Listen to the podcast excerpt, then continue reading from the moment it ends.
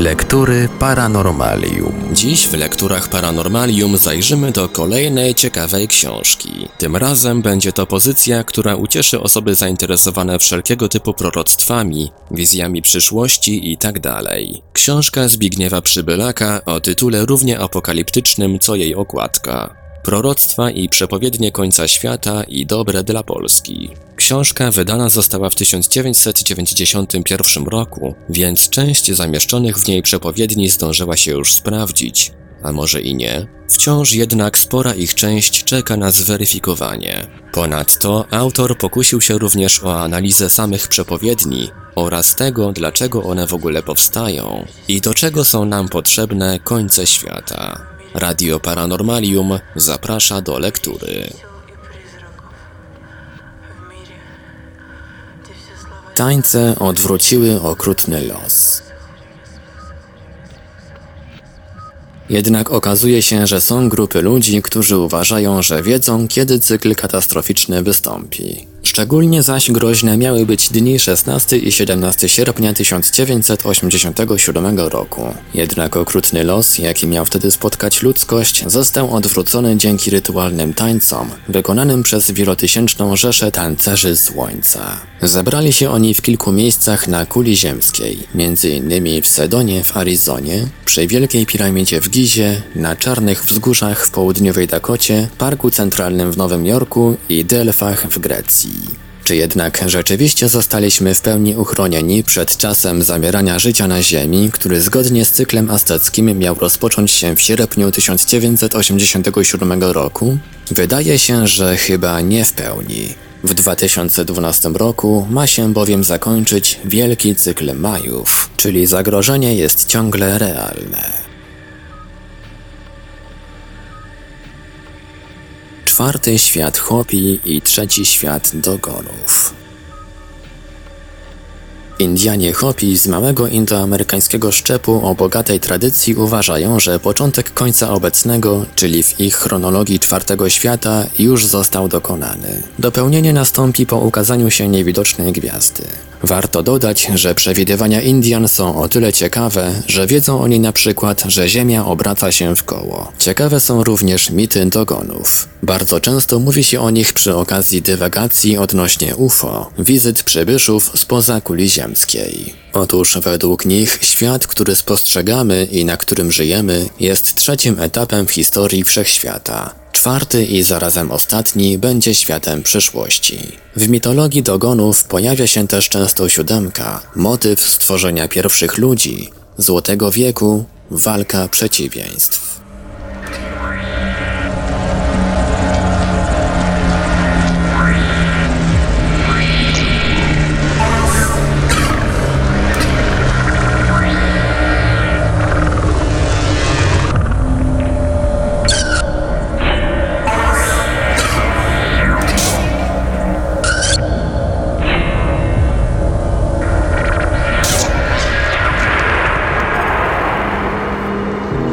Lektury Paranormalium.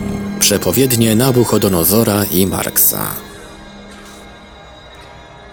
Cóż może mieć wspólnego sławny proroczy sen Nabuchodonozora opisany w Biblii z zapiskami twórcy marksizmu? Okazuje się, że pewne i to znaczące związki się pojawiają. Niektóre cechy proroctw jednego i przepowiedni drugiego są wspólne. Według koncepcji Marksa w historii doszukać się można czterech formacji społecznych. Są nimi wspólnota pierwotna, niewolnictwo, feudalizm i kapitalizm. Ostatnia formacja, czyli komunizm, to powrót do wspólnoty pierwotnej na wyższym poziomie. Byłby to więc początek cyklu następnego. Marx mówił o przejściu rewolucyjnym, a jak wiadomo, rewolucję łączymy z walką, dramatem, zniszczeniem tego, co było przedtem. Idee Marksa bliskie są koncepcjom Hegla, który dzielił historię na cztery wielkie okresy. Z kolei pierwowzoru tego podziału doszukiwać się należy w pracach historyków średniowiecznych. Ci zaś oczywiście ulegali symbolice biblijnej, wyraziście zaprezentowanej w księdze Daniela. Szczególną sławą cieszy się proroczy sen Nabuchodonozora i jego interpretacja dokonana przez Daniela, który przedstawia historię ludzkości jako proces ciągłego pogarszania się stanu rzeczy.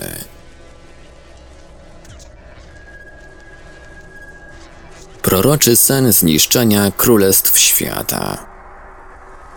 Nabuchodonozor, sławny władca starożytnego Babilonu, miał sen. Nikt nie potrafił wszakże przypomnieć królowi jego wizji, którą on podobno zapomniał w międzyczasie. Wszakże dokonał tego biblijny Daniel.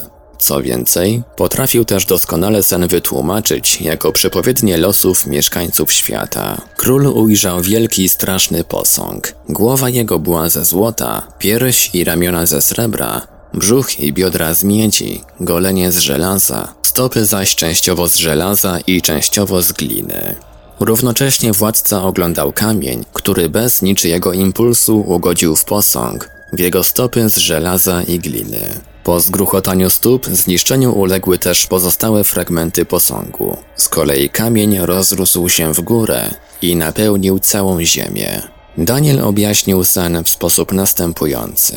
Głowa ze szczerego złota oznaczała państwo babilońskie i Nabuchodonozora. Kolejne królestwo miało być srebrne, dzisiaj ma się na myśli państwa medyjskie i perskie. Brzuch i biodra z miedzi symbolizują trzecie królestwo miedziane, które kojarzy się z wielkim imperium Aleksandra Wielkiego. Żelazne golenie interpretuje się jako trwałe i silne imperium Rzymian. Z kolei stopy z żelaza i gliny oznaczają podział Europy średniowiecznej i nowożytnej na liczne państwa. Połączenie to ma tylko częściowe znamiona trwałości i w zasadzie pełne scalenie jest tak samo niemożliwe, jak złączenie żelaza z gliną. W przepowiedni Daniela mówi się, że w czasach tych królów Bóg nieba wzbudzi królestwo, które nigdy nie ulegnie zniszczeniu. Jego władza nie przejdzie na żaden inny naród. Zetrze i zniweczy ono wszystkie te królestwa, samo zaś będzie trwało na zawsze. W chrześcijańskiej interpretacji jest to rozrastanie się kamiennego, czyli Chrystusowego Królestwa. Kamień zniszczy bowiem mniej trwałe elementy, substancje, złoto, srebro, miedź i żelazo. Opisana symbolika zostaje w pewnym sensie powtórzona i spotęgowana także w proroczym śnie Daniela o czterech bestiach, odnoszących się do czterech królestw, o czym była też już mowa na wstępie. Danielowe proroctwa, umiejscawiające koniec czasów w wiekach nam współczesnych, niekiedy oczywiście wskazuje się, że czas końca jest bliższy, inspirowały od dawna różne odłamy reformatorów chrześcijaństwa. Dla przykładu sławny Tomasz Münzer, przywódca duchowy Anabaptystów, radykalnego odłamu reformacji z XVI wieku, groził i zapowiadał w swym kazaniu do książąt w 1524 roku nadejście szybkie kamiennej monarchii Chrystusowej, bowiem nastał już końcowy okres dziejów świata. On też sugerował, że stopy posągu, częściowo z gliny i żelaza, symbolizują dwuwładze panów świeckich i duchownych.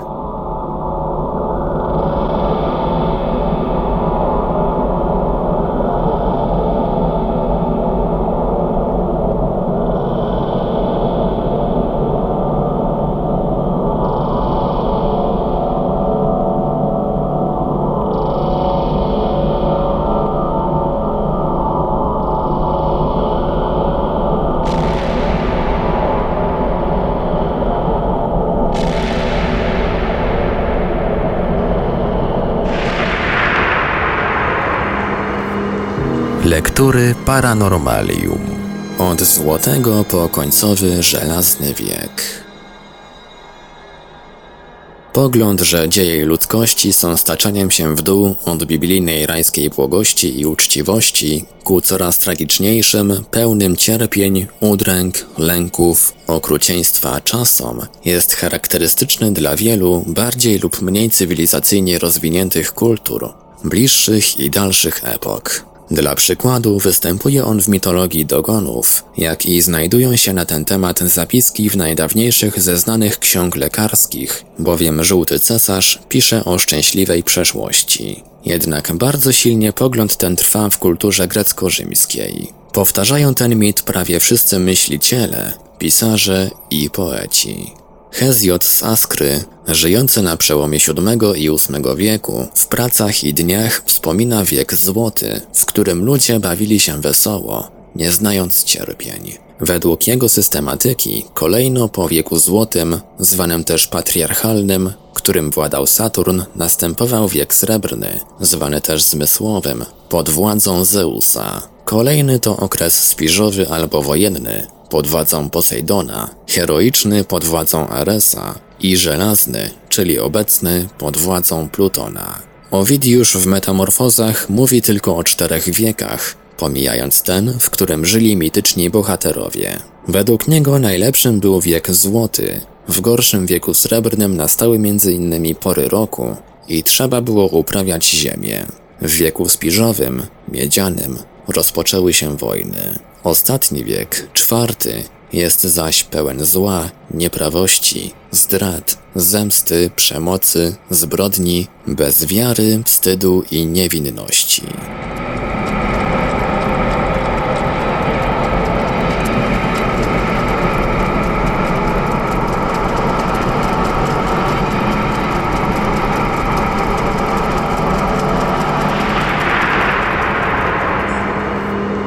Lektury Paranormalium. Źródła pesymistycznego ducha.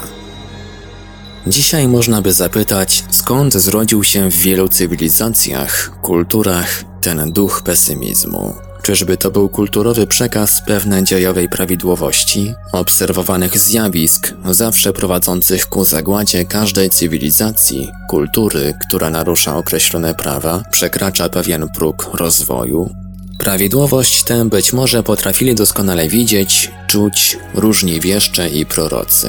A kiedy weryfikowało genialną intuicję życie, wtedy włączono odkryte prawdy w system przekazu kulturowego, od legend, mitów, bajek, przypowieści religijnych począwszy, na zbiorach proroctw, prognostykach uczonych skończywszy. A wszystko to w trosce, by kolejne pokolenia uchronić przed niepotrzebnymi klęskami, kataklizmami, karą Bożą. Jednak, jak dowodzą dzieje świata, historia kołem się toczy i tak naprawdę kolejne pokolenia niewiele wynoszą z doświadczenia swych przodków i powielają te same błędy. Ponieważ jednak ekspansja cywilizacyjna i możliwości człowieka stale się zwiększają, więc i coraz większe dotykają go klęski. Czy jednak rzeczywiście właśnie obecne czasy mogą być czasami końca? Nie ulega wątpliwości, że do tej pory w dziejach ludzkości żadna cywilizacja nie była tak potężna, a co najważniejsze obejmująca swym zasięgiem cały glob, jak właśnie ta techniczno-naukowa. Żadna też nie była tak niszcząca i zmieniająca środowiska, zachowania ludzi.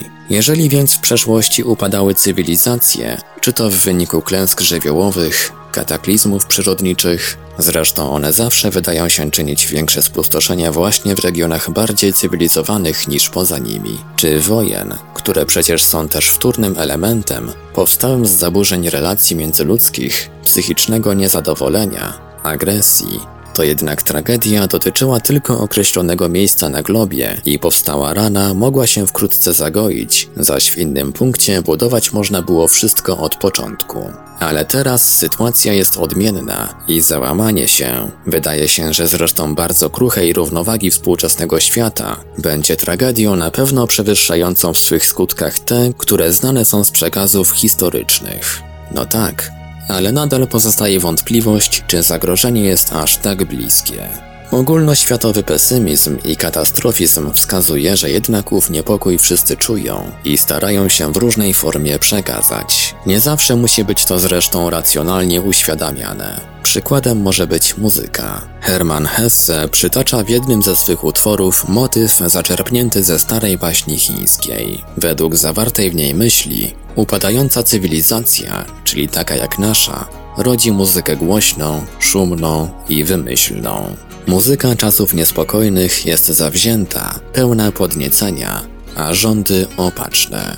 Przykłady podobne można by mnożyć. Z kolei gdyby sięgnąć po bardziej racjonalne dowody, że żyjemy naprawdę w wieku zniszczenia, to oczywiście najlepiej wsłuchać i wczytać się w to, co prognozuje, czy jak kto woli przepowiada, duża grupa futurologów i ekologów. Lister R. Brown, dyrektor słynnego World Watch Institute, gdzie powstaje wiele głośnych raportów i opracowań na temat szans przetrwania ludzkości, stanu świata, nie tak dawno stwierdził: Zmiany demograficzne i technologiczne wprowadzają nas w wiek XXI z instytucjami politycznymi po wieku XIX.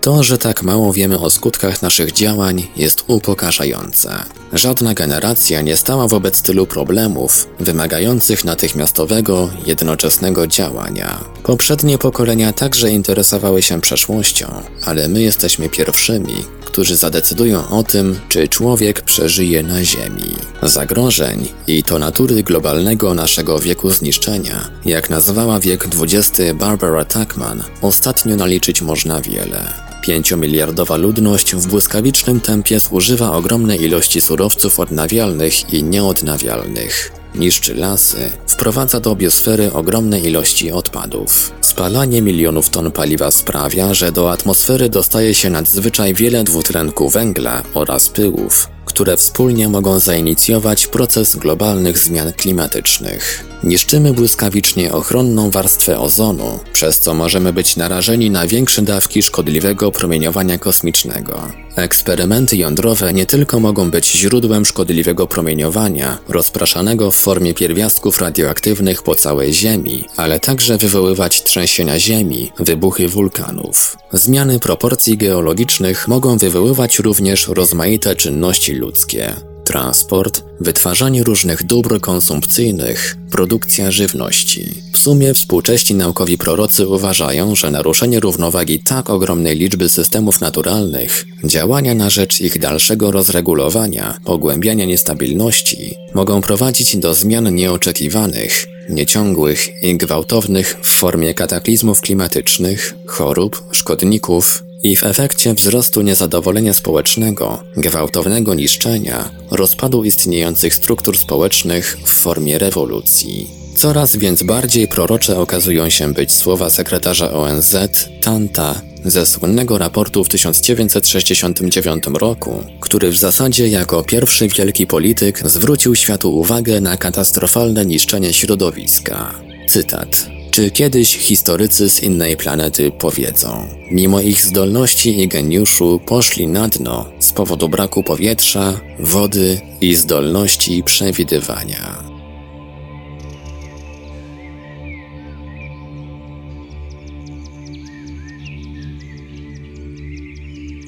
Koniec rozdziału pierwszego.